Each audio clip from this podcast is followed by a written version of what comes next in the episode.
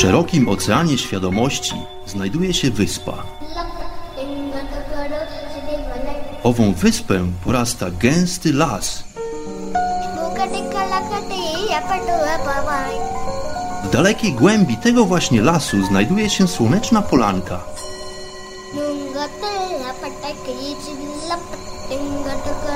Przy tej oto polance w gorących promieniach słońca stoi sobie pewna magiczna chata.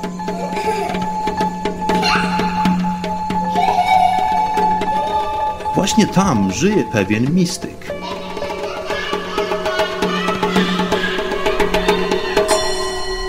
Mam na imię Bart i zapraszam wszystkich serdecznie do wysłuchania programu Chata Mistyka.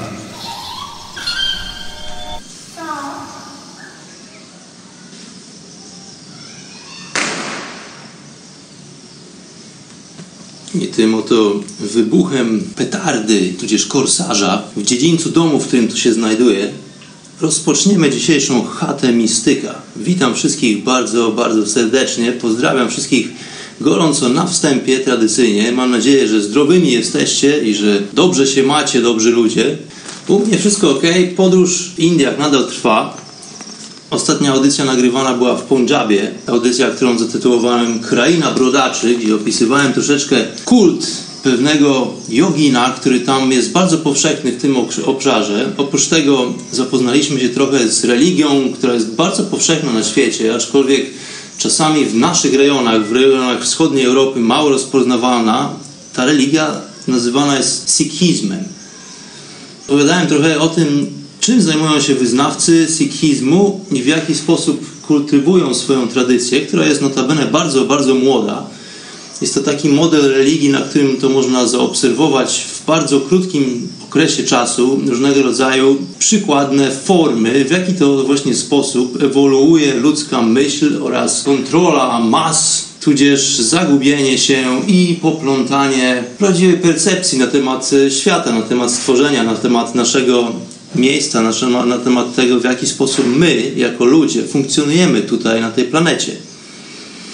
Minęło już parę tygodni, odkąd opuściłem Punjab, krainę, w której również, którą charakteryzuje wspaniała, aczkolwiek dosyć ciężka na żołądek kuchnia.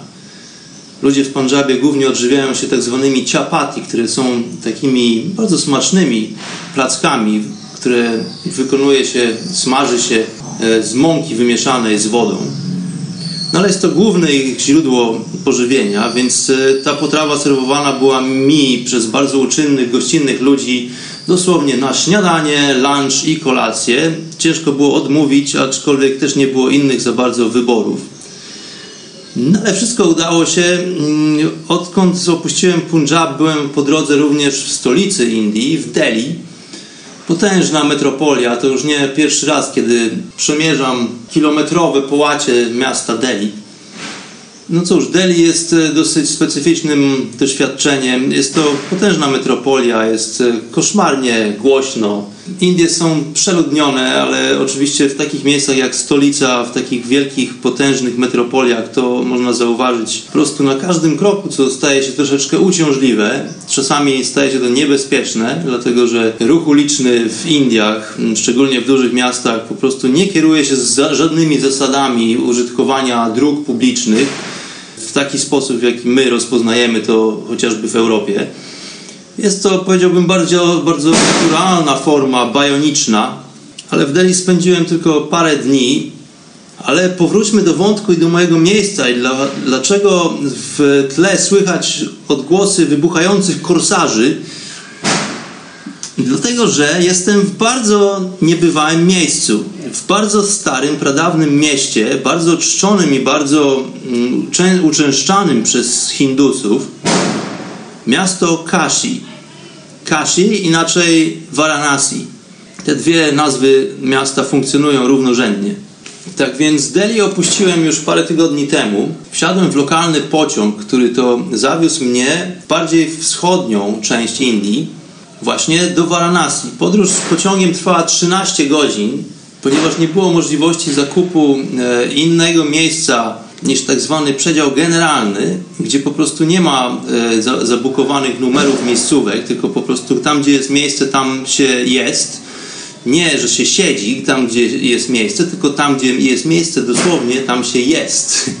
Dlatego, że kochani, spędziłem e, z tych 13 godzin podróży, spędziłem jakieś nie, no, niecałe 10 godzin stojąc na jednej nodze, naprzemiennie. Dlatego, że pociąg był tak zapchany ludzkością, że nie było miejsca, aby postawić drugą nogę. Dopiero kiedy po drugiej głównej stacji, kiedy pociąg zatrzymał się po 10 godzinach, część z pasażerów wysiadła, to wtedy udało znaleźć mi się kawałek podłogi, na której to mogłem już kontynuować resztę podróży w ekskluzywnych wygodach, mając e, do własnej dyspozycji, łącznie z moim bagażem, może jakieś pół metra kwadratowego. No więc naprawdę e, był to pewien wypas, po prostu pewien luksus. No ale jestem w Varanasi, w Kashi, w świętym, świętym mieście, które jest bardzo istotne na mapie Indii jest niesamowity upał. E, w Delhi było już gorąco. Kiedy wyjechałem początkowo z Himalajów, gdzie, było, gdzie klimat był całkiem chłodny, powiedziałbym, zjechałem troszeczkę niżej do Punjabu, gdzie było bardzo fajnie, nie za gorąco, nie za zimno no to tutaj przejeżdżając przez Delhi już można było poczuć temperaturę podwyższającą się, a tutaj jestem już bardziej na wschód kontynentu, więc jestem w głębi lądu, jest niesamowite nasycenie powietrza wodą, jest po prostu kompletny upał, jest kompletny, jest taki, jak to mówią Anglicy, jest taki, mate. Także każdy ruch po prostu wykonywany powoduje pocenie się, no ale powoli się do tego wszystkiego przyzwyczaja. Dzisiaj atmosfera jest szczególnie gorąca, dlatego że świętujemy dzisiaj Diwali, moi drodzy. Dlatego właśnie odgłosy fajerwerków i korsarzy wybuchające tutaj radośnie w dziedzińcu budynku, w którym to jestem. Młodzież przygotowuje się na mm, festiwal, który rozpocznie się wieczorem. Jest to festiwal światła, jest to festiwal nadziei, jest to festiwal uprzytomnienia troszeczkę i w jakiś sposób klaryfikacji mm, naszej istoty i naszej funkcji oraz e, taki moment uprzytomnienia powiedziałbym. O tym jeszcze opowiem za chwilę. Na początku o samym Varanasi, dlatego że jest to bardzo, bardzo stare miasto. Jest to święte miasto, powiedziałbym miasto slumsów właściwie, dlatego że w moich różnorakich podróżach no, nie da się tutaj zauważyć po prostu tego brudu, który panuje wszechobecnie tutaj w tym bardzo uczęszczanym e, miejscu w Indiach. Miejsce jest bardzo uczęszczane z paru powodów, no ale dlatego może też ciężko jest to, to miejsce utrzymać w jakimś takim schludnym stanie, dlatego że Indie generalnie są przepełnione ludźmi, ale w takich miastach właśnie bardzo tradycyjnych kulturowo, no to widać, że tutaj po prostu służby miejskie sobie nie radzą za bardzo. Zresztą mm, czystość na ulicach w Indiach no nie jest zbyt y, nią domeną Indii. Tutaj niestety ten kraj ma dużo jeszcze do nadrobienia w kwestii, w kwestii traktowania śmieci, odpadów plastikowych i przerobu, po prostu recyklingu tak zwanego, dlatego że tutaj takie tematy są kompletnie nieznane, są obce tutaj ludziom i mm, no nie są ludzie świadomi tego, że po prostu e, zanieczyszczają bardzo własne środowisko, zachowują się tak, jakby byli ostatnim pokoleniem, które tutaj po prostu żyje na ty, w tym kraju, na tej planecie. No a przeludnienie jest tutaj takie, że tutaj pojawia się coraz więcej i więcej ludzi. No i to jest troszeczkę zatrważające, że, że obecne pokolenie nie zdaje sobie właśnie sprawy z tego, że, że po nich przyjdzie jeszcze mnóstwo, mnóstwo ludzi, którym to przyjdzie użytkować tutaj ten kawałek ziemi, ten kawałek dziedzictwa kulturowego. No ale dzisiaj nie o recyklingu, dzisiaj o, o Varanasi i o pewnych e, bardzo specyficznych joginach, którzy tutaj w Varanasi przebywają. No ale do tego sobie dojdziemy po kroczku, kroczek po kroczku. Więc e, Varanasi jako święte miasto jest miastem, w którym znajduje się mnóstwo, mnóstwo hinduistycznych świątyń. Miasto w ogóle usytuowane jest w północno-wschodnich Indiach, w głębi lądu, nad świętą rzeką, rzeką Ganges. Rzeka, która ma potężną y, tradycję kulturową i duchową. Rzeka traktowana przez wyznawców hinduistycznych jako rzekę świętą. Wypływa z Himalajów, z górnych partii Himalai, gdzie zwykło się mówić o tym, że urzędują tam bogowie, że stamtąd pochodzą wszelkiego rodzaju moce i dlatego właśnie tam wyrusza cała rzesza wyznawców e, wiary hinduistycznej, aby czcić swoich bożków, dlatego że jest to mnogość, mnogość różnych, różnych bożków, bogów i wyznań. Opowiadałem w poprzednim odcinku trochę o kulcie Baba Balak Nath, który to bardzo powszechny jest w Pondżabie.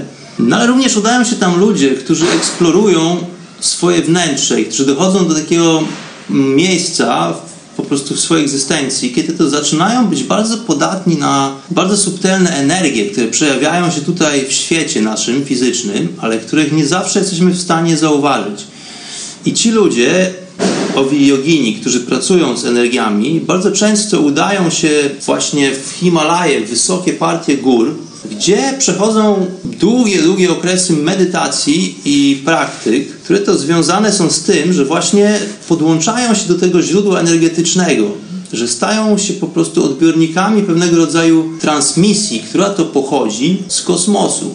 To znaczy są już na takim etapie owi jogini, owi brodacze z długimi, zakurzonymi dreadami, owi mnisi, że są w stanie tak dostroić swoje wewnętrzne jestestwo, które zbudowane jest na wzór całego kosmosu, jest niczym innym jak po prostu cząstką, jak odzwierciedleniem uniwersalnego porządku i schematu, więc są w stanie, dostrajając swoje wnętrze, zespoić się również, połączyć ze stworzeniem, z kosmosem tak zwani sadu, czyli wędrowni mnisi, którzy to w bardzo ascetyczny sposób żyją i pozbawili się wszelakich powiązań z przedmiotami materialnymi i również poradzili sobie świetnie kontrolując własne emocje, własne widzimisię, własne dylematy czy też lęki, oni właśnie również pojawiają się często w mieście, w którym obecnie przebywam, w świętym mieście Varanasi aby przebyć tutaj również bardzo specyficzne praktyki duchowe. A miejsce jest bardzo szczególne. Sama rzeka Ganges, e, no wierzenia są takie, że woda w Gangesie ma właściwości bardzo energetyczne. Wypływa z wyższych partiów Himalajów, tam gdzie rzekomo znajduje się siedziba bogów i świętych. To wszystko jest w pobliżu góry Kailash, o której to wspominałem w opowieści o Adi Yogim, którą gorąco polecam. To wszystko jest też niedaleko pewnego magicznego jeziora, jeziora Manosarovar, które rzekomo jest potężnym vortexem, który jest taką dziurą pomiędzy światami. No ale cóż, rzeka Ganges bardzo dużą rzeką jest obszerną przepływa przez wiele miejsc. No i higiena owej rzeki pozostawia wiele, wiele do życzenia. Jest to rzeka po prostu bardzo, bardzo brudna, przynajmniej w oczach tutaj turystów, obcokrajowców. Szczególnie w tym rejonie, w rejonie, w rejonie Varanasi, gdzie tutaj przewija się tyle ludzi. Varanasi jest to również miejsce, w którym e, bardzo często nagminnie dokonuje się kremacji zwłok. To jest bardzo, bardzo tradycyjne miejsce do spalania ciał, gdzie przywozi się nawet martwe ciała z różnych odległości po to, aby je skremować tutaj. Także te tereny, w których dokonuje się kremacji zwłok, dlatego że w kulturze indyjskiej częściej kremuje się zwłoki raczej niż je chowa się w ziemi. No i te tereny, w których dokonuje się kremacji zwłok, znajdują się wzdłuż rzeki, na takich specjalnych podwyższeniach na miejscach, dlatego że tu warto wspomnieć, że owe obrządki spalania ludzkich zwłok są publiczne. No i tutaj w Varanasi właściwie są bardzo częstym widokiem. Są do tego wyznaczone specjalne miejsca wzdłuż rzeki Ganges. No i to jest właściwie zjawisko, które jest, trwa tutaj nieprzestalnie. Praktycznie 24 na dobę są spalane zwłoki w Varanasi, dlatego że przybywają one z, nie tylko z miasta, ale z różnych zakątków innych Indii. W celu spalania zwłok tworzy się potężne kopce, które opalane są drewnem i które to publicznie wystawione są po prostu na pewnego rodzaju spektakl, dlatego że wokół ceremonii spalania zwłok gromadzi się mnóstwo ludzi i to nie są tylko członkowie rodziny zmarłego, ale to są różni ludzie, powiedziałbym nieprzypadkowi. Dlatego, że ci ludzie pojawiają się tam w, w trakcie tego procesu spalania zwłok w bardzo określonym celu. No i o co w tym wszystkim chodzi? To nie są opowieści skrypty, to nie ma być opowieść z cyklu horror, chata mistyka, tylko wręcz odwrotnie. moment uprzytomnienia sobie, jak bardzo błahym jest nasz organizm, nasze ciało, w naszej funkcji i w naszym jestestwie tutaj na planecie. Pogodzenie się z faktem, że każdy z nas przychodzi tutaj na tą planetę i z tej planety odchodzi, czyli umiera, jest bardzo dużym krokiem do uprzytomnienia sobie, o co w tym wszystkim chodzi. Dlatego, że wtedy pozbawiamy się lęku przed śmiercią, pozbawiamy się jakiegoś takiego panicznego strachu zapewnienie sobie dóbr materialnych. No oprócz tego jest pewien fenomen, który wykorzystywany jest tutaj przez uczestników owych kremacyjnych obrządków, procesów.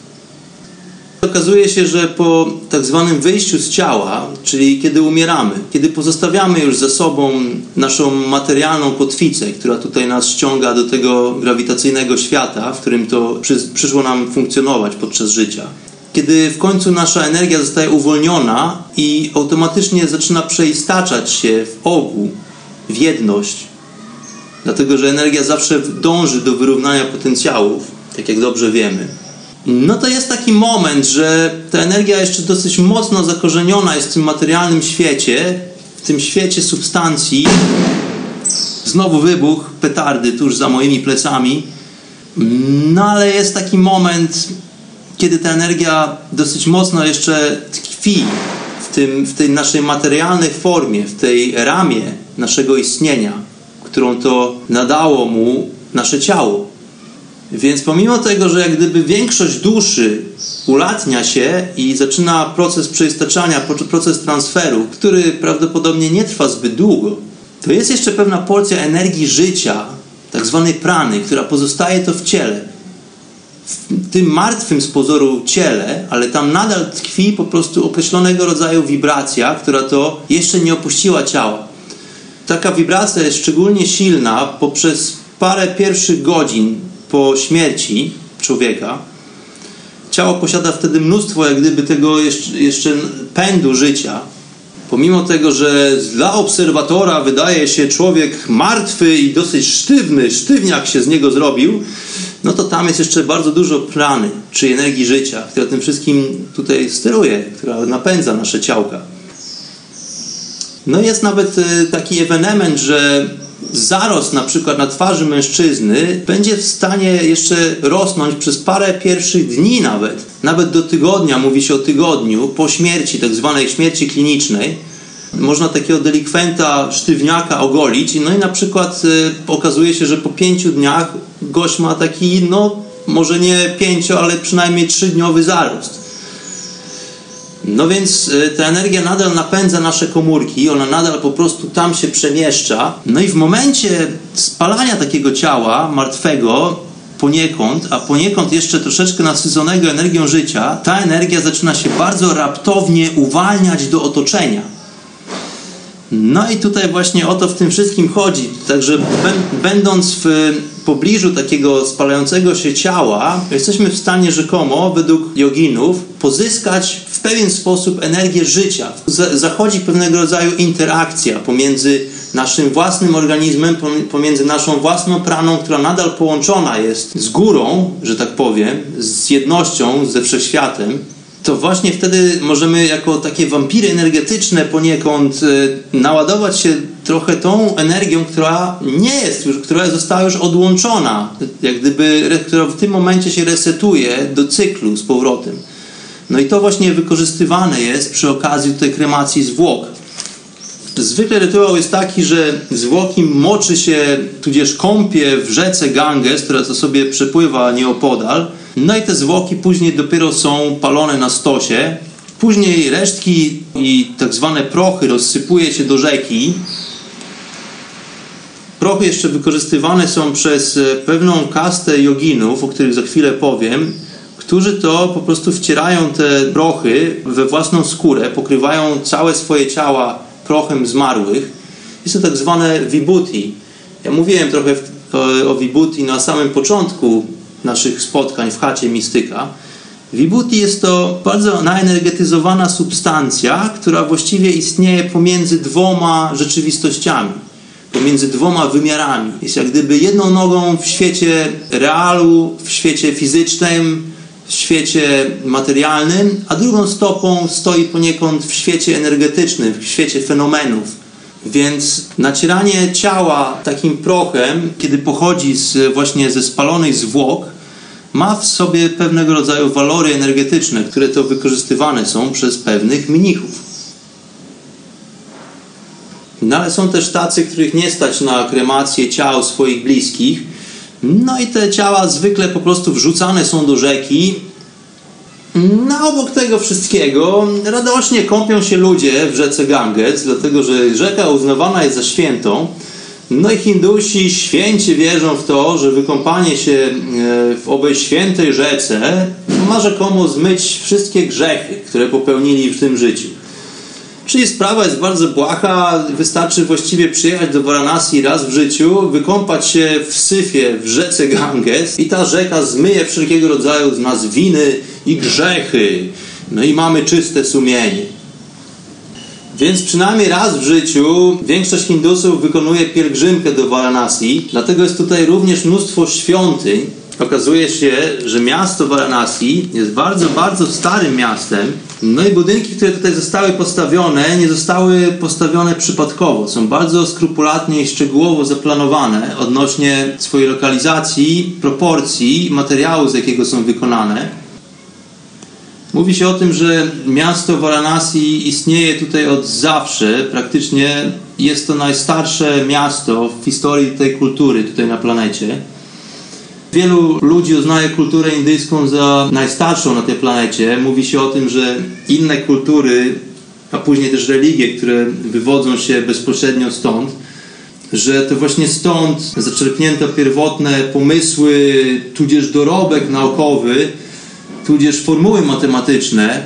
Faktem jest to, że chociażby liczba 0 pochodzi z Indii. Jest to indyjski wynalazek matematyków wedyjskich, dlatego że koncept zera, czyli nicości, był wcześniej w Europie nieznany i w innych częściach świata.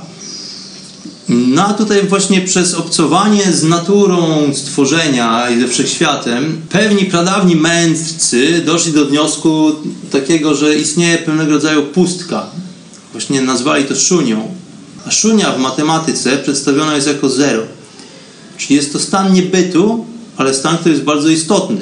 To nie jest stan, który można pominąć i zlekceważyć. No więc zero pochodzi również z Indii, no ale różnego rodzaju inne technologie oraz praktyki medyczne nawet, czy różnego rodzaju praktyki energetyczne pochodzą również z Indii. Varanasi jest e, rzekomo najstarszym miastem które to zostało ustanowione przez samego Lorda Shiva na długo przed powstaniem Egiptu i Rzymu. No ale moi drodzy, Varanasi jest to również bardzo specyficzny architektoniczny instrument. Dlatego, że całe miasto jest wielkim, potężnym urządzeniem. Okazuje się, że pradawni mędrcy i władcy zrozumieli istotę balansu we wszechświecie i istotę propagacji się energii. Po prostu zrozumieli, jak ważnym jest to, żebyśmy byli dostrojeni do wszechświata i żebyśmy po prostu współistnieli z nim. Miasto zostało zaprojektowane według bardzo ścisłych zależności geometrycznych i astronomicznych. Miasto zbudowane jest na planie takiego, takiej siatki energetycznej. Siatka jest elipsoidalna, nie kwadratowa, więc Kashi, czy też Varanasi, to jest tak zwana yantra. Yantra dosłownie z sanskrytu oznacza urządzenie albo maszynę. Maszynę, czyli po prostu coś, co ma za zadanie działać, czyli coś, co ma działać w jakiś określony sposób. Okay? Więc całe miasto tutaj jest potężnym urządzeniem energetycznym, które robi po prostu taki wielki download z kosmosu. Po prostu budynki, tak zwane świątynie, które w historii dziejów zostały zamienione po prostu w jakieś e, tutaj miejsca kultu i uczęszczane przez wyznawców religii, mnogości różnego rodzaju wyznawców, różnych bożków, tak naprawdę te wszystkie świątynie to są urządzenia energetyczne. Cała ta historia pochodzi na długo, długo dawniej niż moment, w którym pojawiły się na świecie różnego rodzaju religie i wierzenia. Więc z sanskrytu yantra oznacza urządzenie albo po prostu maszynę. Więc całe miasto jest potężnym urządzeniem energetycznym. No i ta maszynka tutaj zbudowana jest kompatybilnie z centrami energetycznymi, które mamy w sobie jako ludzie. Czyli to tak zwanymi czakrami. To w jaki sposób tutaj zbudowano budynki, te wszystkie proporcje, dystans pomiędzy budynkami, cała siatka, plan, na której to postawione zostały te budowle, jest ich tutaj setki wybudowanych w ten sposób. No i cały ten plan cechuje liczba 5. Dlatego, że liczba 5 to jest liczba Siwy, czyli właśnie tutaj ta symbolika pojawia się. Shiva to jest e, reprezentacja wielu, wielu fenomenów. Hindusi traktują go jako Boga, ale to niekoniecznie w ten sposób trzeba na to wszystko patrzeć. Shiva jest po prostu reprezentacją wielu różnych symboli. Jednym z nich jest liczba 5, dlatego że 5 elementów. Rozmawialiśmy sobie kiedyś o pięciu elementach, o zależności elementów, z których jesteśmy stworzeni jako materia, jako jestestwo. Także tutaj ta liczba 5 również dominuje w architekturze Kashi, Varanasi. Jest to miejsce z tysiącami lat tradycji. Tutaj przez to miejsce przewinęło się tysiące naukowców, tysiące mnichów, praktykantów duchowych, różnych wybitnych postaci. Budynki są bardzo stare, uliczki są bardzo wąskie. No i rzeka Ganges oczywiście, nieopodal. No ale tu właśnie taka ciekawostka, pomimo tego, że pozornie ta rzeka Ganges taka jest brudna i taka nieprzyjazna dla ludzi, to mnóstwo ludzi bierze tą ową świętą kąpiel w Gangesie. No ale ciekawostka jest taka, że woda w Gangesie nie powoduje rzekomo żadnych chorób. Ludzie kąpią się w tym syfie całym i nawet tą wodę piją niektórzy, no nie ma żadnych przypadków zakaźnych. No i co tutaj się okazuje? Była robiona ekspertyza naukowa, no i naukowcy stwierdzili, że w rzece Ganges po prostu nie ma bakterii. No i tutaj jest wielki znak zapytania pojawił się. Wypłynęła z tego jakaś teoria taka, że w rzece Ganges znajduje się bardzo specyficzny wirus, tak zwany bakteriofag, który to skutecznie ubija wszelakiego rodzaju bakterie w wodzie. No i z tego powodu rzeka po prostu jest biologicznie czysta i zdatna, no teoretycznie nawet do, spoży do spożywania wody z owej. Także przypadków zachorowań tutaj na choroby zakaźne po kąpieli w rzece Ganges nie ma. Wodę z Gangesu rzekomo można przechowywać w pojemniku przez wiele, wiele miesięcy i się nie psuje, tak jak zwyczajna woda. No ale bardzo trudno w to wszystko uwierzyć, dlatego że po prostu przy takiej masie ludzi tutaj, która przewija się uliczkami Varanasi, no i przy braku podstawowych zasad higieny po prostu ciężko uwierzyć, że tutaj w ogóle jeszcze jestem żywy po tych paru tygodniach. No ale moi drodzy, zaludnienie w Varanasi to nie, to nie wszystko, bo dlatego, że tutaj jeszcze na ulicach znajdują się zwierzęta. Oprócz tego, że tak jak wspomniałem, znajdują się wredne małpy, z którymi trzeba być ostrożnym, to ulice Varanasi uczęszczane są bardzo przez bezdomne psy, właściwie takie hordy psów, które właściwie nie uczęszczają, tylko leżą po prostu leniwie po środku tych alejek. Nie przejmują się kompletnie przechodniami, ani nawet nadjeżdżającymi motorami. Także częstym przypadkiem jest y, słyszeć skowyt psa, na którego to właśnie najechał motor, tudzież nastąpił bawu, dlatego że drugim najbardziej popularnym gatunkiem zwierząt w Varanasi są krowy, takie bawoły, potężne zwierzęta, które skutecznie blokują te wąskie uliczki w bardzo częstych e, przypadkach. Zwierzęta, które odżywiają się śmieciami, po prostu jest to obrzydliwe, co te święte krowy tak zwane tutaj jedzą. One po prostu najczęściej odżywiają się jakimiś plastikowymi torbami, no i zgniłymi jakimiś resztkami jedzenia. Także ulice uczęszczane są przez zwierzęta, psy, małpy, krowy. Krowy oczywiście robią kupy, gdzie popadnie, także mm, chodzenie uliczkami Varanasi to jest po prostu taka umiejętność nawigowania pomiędzy gnijącymi resztkami jedzenia, tudzież zdechłym szczurem lub e, kupą krowią. To jest potężny syf po prostu i no nie muszę chyba wspominać tutaj, jakie to fetory i zapachy produkuje takie miejsce. Więc umiejętność poruszania się tutaj w uliczkach, w ciemnych uliczkach Varanasi jest po prostu sztuką. Ta sztuka, nauczenie się tej sztuki zajęło mi pierwszych parę dni, no ale w całym tym tyglu kulturowym, w całej tej mnogości turystów i wyznawców różnego rodzaju bożków i hinduistycznych bredni, jest również bardzo specyficzna grupa mnichów. Bardzo kontrowersyjna grupa mnichów, która nie do końca rozumiana i uznawana jest przez e, całą rzeszę reszty narodu. Są to tak zwani agori. Agori jest to bardzo ekstremalna forma sadu. Sadu, czyli to jest, sadu to jest wędrujący mnich. Sadu to są asceci, którzy pozbawili się wszelkiego rodzaju przynależności. Na Agori to już jest taka ekstremalna, jak gdyby sekta sadu, czyli wędrownych mnichów, którzy nie posiadają dosłownie nic. No ale Hindusi ich ogólnie się boją.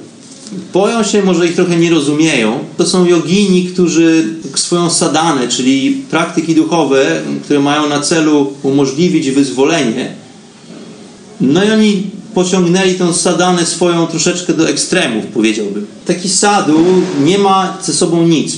Pozbył się wszelkich dóbr materialnych, nie jest związany z żadnymi przedmiotami, porzucił nie tylko rodzinę, ale wszelkie kontakty społeczne. No a Gori to jest taki skrajny przypadek tego sadu. Są to wyznawcy Lorda Shivy. Dla Hindusów Boga, a dla joginów Adi Yogi, czyli pierwszy yogi, Czyli ten jogin, który przedstawił światu tajniki istnienia i zapoznał ludzi z technikami, które to umożliwiają nam osiągnięcie dobrego życia, tak zwanego dobrego życia. Czyli również wyzwolenie się z iluzji świata, z tak zwanej mai, z dualności. Sam Shiva uznawany jest za istotę, która zamanifestowała się początkowo w wysokich partiach gór w Himalajach. Używam tutaj słowa istota nie bez powodu, dlatego że owa istota, ten człowiek, miał cechy ludzkie, ale no nie do końca był człowiekiem. Nie, przez, nie, ja, nie jawił się do końca jako człowiek. Shiva był w pewien sposób przepełniony nadludzkimi mocami, dlatego że on znał całą tajemnicę stworzenia, całą tajemnicę istnienia, więc potrafił wykorzystywać różnego rodzaju fenomeny natury. Shiva prawdopodobnie nie miał rodziców, ale po prostu zdecydował się pojawić. Mówi się o tym, że po prostu zamanifestował się w formie mężczyzny, w dosyć niebywałej formie, dlatego że mówi się o tym, że miał 3 metry wzrostu, mówi się o tym, że miał niebieską karnację skóry, tudzież siną. No i był takim chłopem drągalem generalnie. No ale poza tym Shiva jest również bardzo głęboką symboliką.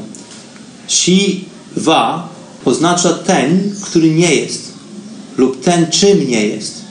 Jest to forma niebytu, można by powiedzieć. Shiva jest formą niebytu. Niebyt, który istnieje i przyjmuje ludzką formę. Ja wiem, że to trochę nie ma sensu, to jest e, takiego rodzaju paradoks, dlatego że jak niebyt ma istnieć? No ale właśnie to jest siwa. Siwa jest przepełniony przeciwnościami. On jest pełen różnego rodzaju kontrowersji, które to często wykraczają poza naszą ludzką logikę. Dlatego ta symbolika jest tutaj tak istotna. Właściwie cały wizerunek siwy to jest po prostu plejada różnego rodzaju symboli, które należy umieć czytać we właściwy sposób. Siwa jest pełen przeciwności, które często wykraczają poza naszą logikę. Jest twórcą, ale również niszczy. Może być piękny i dystyngowany, albo na przykład obleśny i odrażający. Siwa wiecznie jest na granicy stanów, jak gdyby życia i śmierci. Jest takim surferem na po prostu linii pomiędzy życiem i śmiercią. Może być tu, może być tu, może być w dwóch miejscach jednocześnie, może nie być w żadnym miejscu. No i Shiva właśnie tutaj zawsze sobie dealuje z tym aspektem śmierci, dlatego że śmierć jest wypełnieniem również całości. Samo życie i istnienie nie mogą stanowić ogółu. Musi być ten element przejścia, ten element śmierci. Musi być obecny ten drugi aspekt, prawda? To cierpienie, ten mrok, ten niebyt, po to, abyśmy mogli docenić i zauważyć jak gdyby fakt, że jesteśmy, że istniejemy, że żyjemy, że kochamy. No i tylko w takim ogólnym jak gdyby ujęciu jesteśmy w stanie właściwie pojąć stworzenie i tym samym wyzwolić się z pułapki iluzji. No i chłopaki Agori doskonale zdają sobie z tego sprawę, no i praktykują techniki, które dla innych wydawać się mogą trochę szokujące, ba, nawet powiedziałbym odrażające, tudzież straszne, dlatego że czasami to wygląda po prostu jak istne sceny z horroru. No są to różnego rodzaju zabiegi, powiedziałbym nieestetyczne, tudzież niemile widziane na salonach, no ale po prostu może są to techniki, które przez resztę społeczności, przez resztę nas są niezrozumiałe do końca. Tych prawdziwych agorii jest tutaj w Varanasi mm, niewielu tak naprawdę. Jest to, nazywa się ich szczepem. Jest to może grupa około 30 do 50 osób, w zależności od pory roku. Agori też przebywają w różnych innych częściach Indii.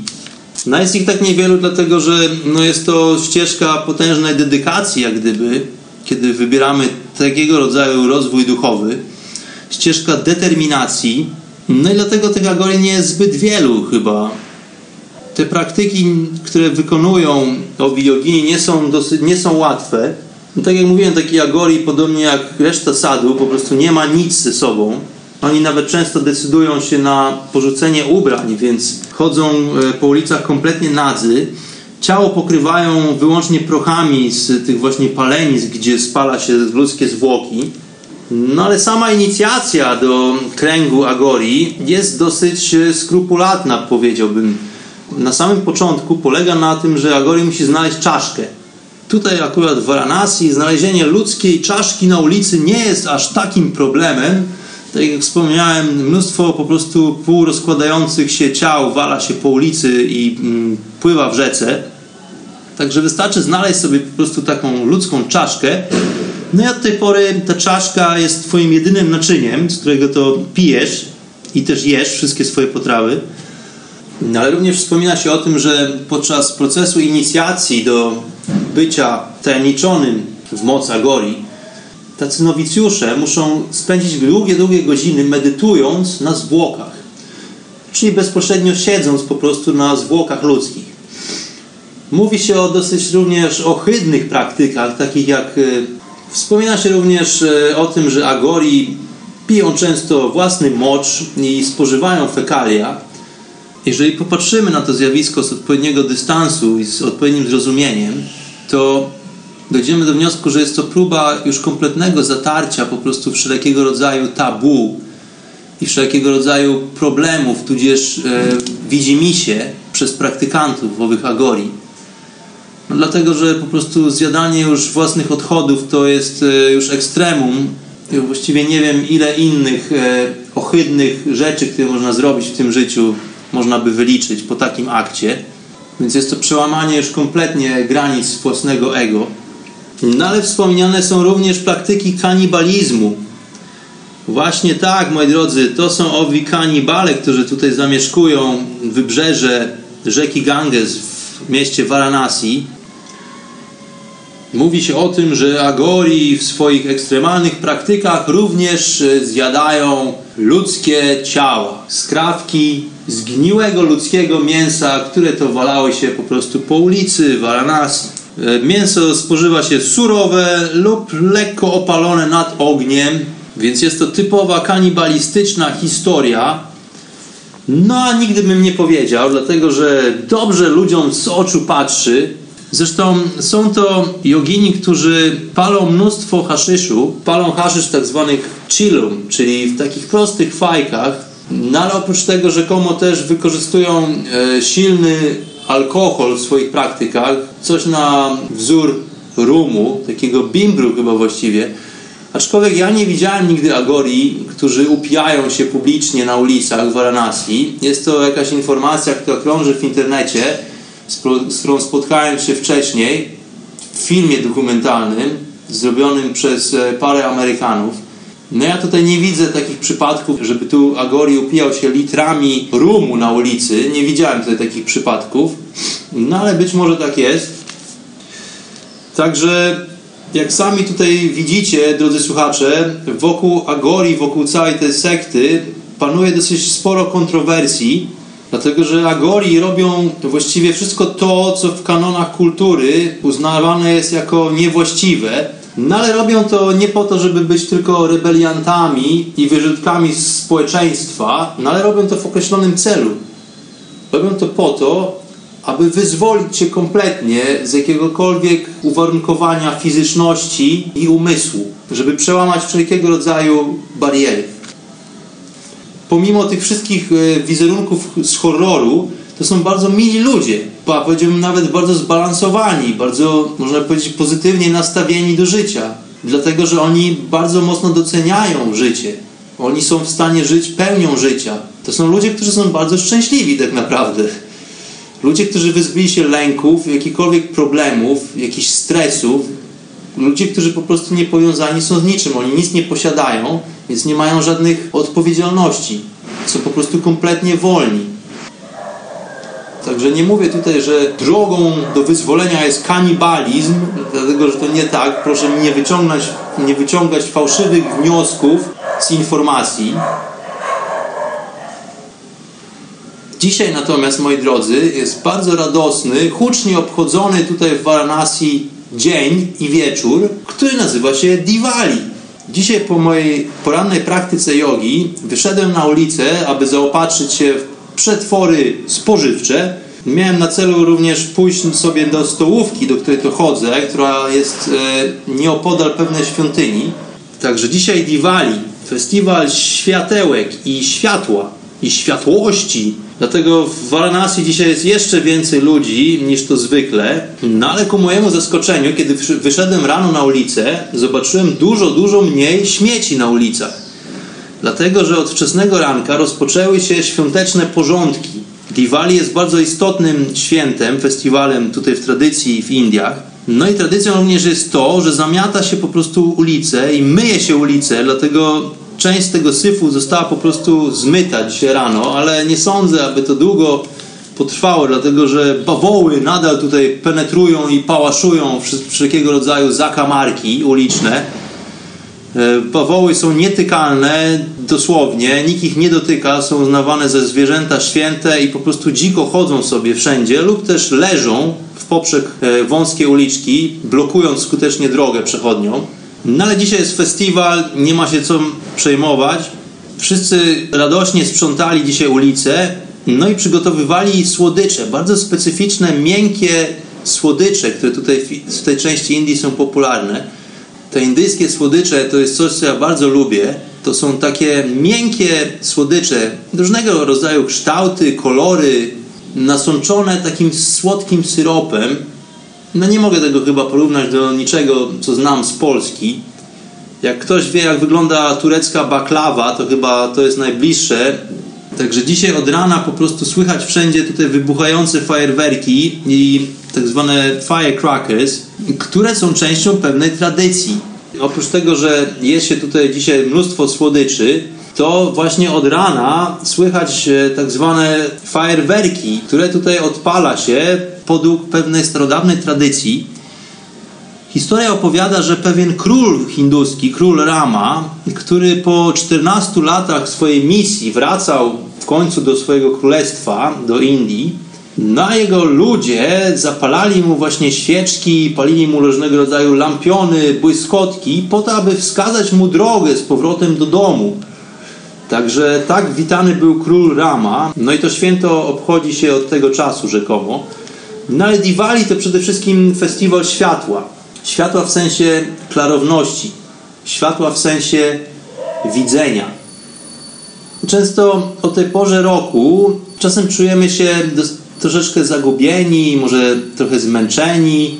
Na to, moi drodzy, jest naturalne w naszym cyklu tutaj rocznym, dlatego że właśnie skończyło się lato, idzie zima, zmienia się po prostu cykl planetarny w pewien sposób, no i czasami najzwyczajniej w świecie brakuje nam pary. No i tutaj starożytni Hindusi, aby troszeczkę podnieść nas na duchu właśnie, postanowili tutaj wydawać co roku ten oto festiwal światła, Diwali no jest on po to, aby po prostu każdy z nas poczuł przez chwilę, że żyje, skoro na co dzień nie jesteśmy w stanie czuć tego, skoro my jesteśmy w jakiś sposób zdołowani, zgnojeni, tudzież zmęczeni, no to właśnie te fajerwerki są po to, aby nas w jakiś sposób obudzić, czy też pobudzić do działania. Na co chodzi o światło, samo światło, e, bardziej tutaj chodzi o nasze wewnętrzne światło, powiedziałbym, które po prostu należy w jakiś sposób pielęgnować i rozwijać na co dzień. Jest to przypomnienie na temat tego, co nas w życiu powinno motywować i co nas powinno przez życie prowadzić. Owo właśnie światło. To światło, które rozprasza mrok, czyli można by powiedzieć niewiedzę, czyli w jakiś sposób ignorancję. Po prostu mrok ignorancji, który jest w stanie rozprosić światło. To światło, które sprawia, że widzimy tą ścieżkę, tą właściwą ścieżkę, drodzy słuchacze. No i możemy tą ścieżką sobie po prostu podążać. Możemy sobie kontynuować tą naszą historię. Tak więc e, tutaj obchodzi się bardzo hucznie festiwal Diwali, festiwal światła w Indiach. Czas, który spędzany jest e, z rodzinami, gdzie odpala się mnóstwo lampionów, świeczek, e, różnego rodzaju kadzidełek. Także ja tutaj z tego miejsca również Wam, drodzy słuchacze, życzę radosnego Diwali. Trzymajcie się ścieżki, moi drodzy. Zabrzmiała trąba.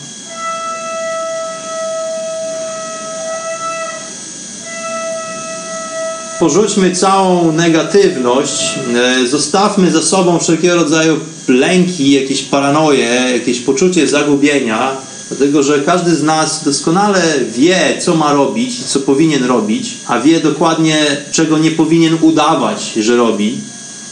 No i aby pozostać na ścieżce, mamy różnego rodzaju pomoce, mamy różnego rodzaju technologie, do których bardzo gorąco zachęcam do używania owych technologii Technologia, czyli zawsze powtarzam, technologia, czyli coś, co działa, więc naszą ufność powierzmy po prostu technologii i w pewien sposób nauce, nie nauce akademickiej, ale takiej nauce, która wypływa z nas, z naszego wnętrza, a nie zaplątujmy się w jakieś systemy wierzeń, w jakieś bzdurne podążanie za bogami, za jakąś obietnicą nieba i piekła i za jakimś lękiem, który kreowany jest po prostu za jakimś lękiem istnienia. Zostawmy to wszystko w tyle. No i cóż mogę dodać? Moi kochani, poszerzajmy po prostu świadomość. Żyjmy życia świadome. I bądźmy uważni, rozglądajmy się dookoła i rozglądajmy się do, do wewnątrz. Także ja tymczasem się żegnam. Wychodzę na ulicę, aby poczuć atmosferę świąteczną dzisiejszego wieczoru i pobujać się z lokalnymi chłopakami, kanibalami. No i pozdrawiam wszystkich. Obyście zdrowi byli. Szczęśliwego Diwali, pokój, miłość i światło, moi drodzy. Namaste.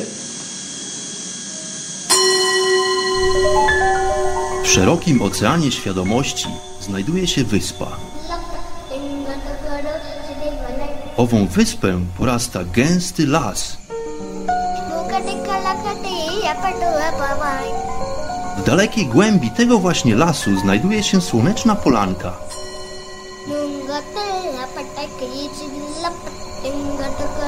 Przy tej oto polance w gorących promieniach słońca stoi sobie pewna magiczna chata.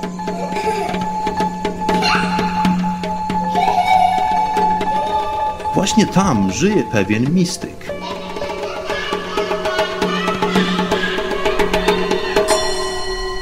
Mam na imię Bart i zapraszam wszystkich serdecznie do wysłuchania programu Hata Mistyka.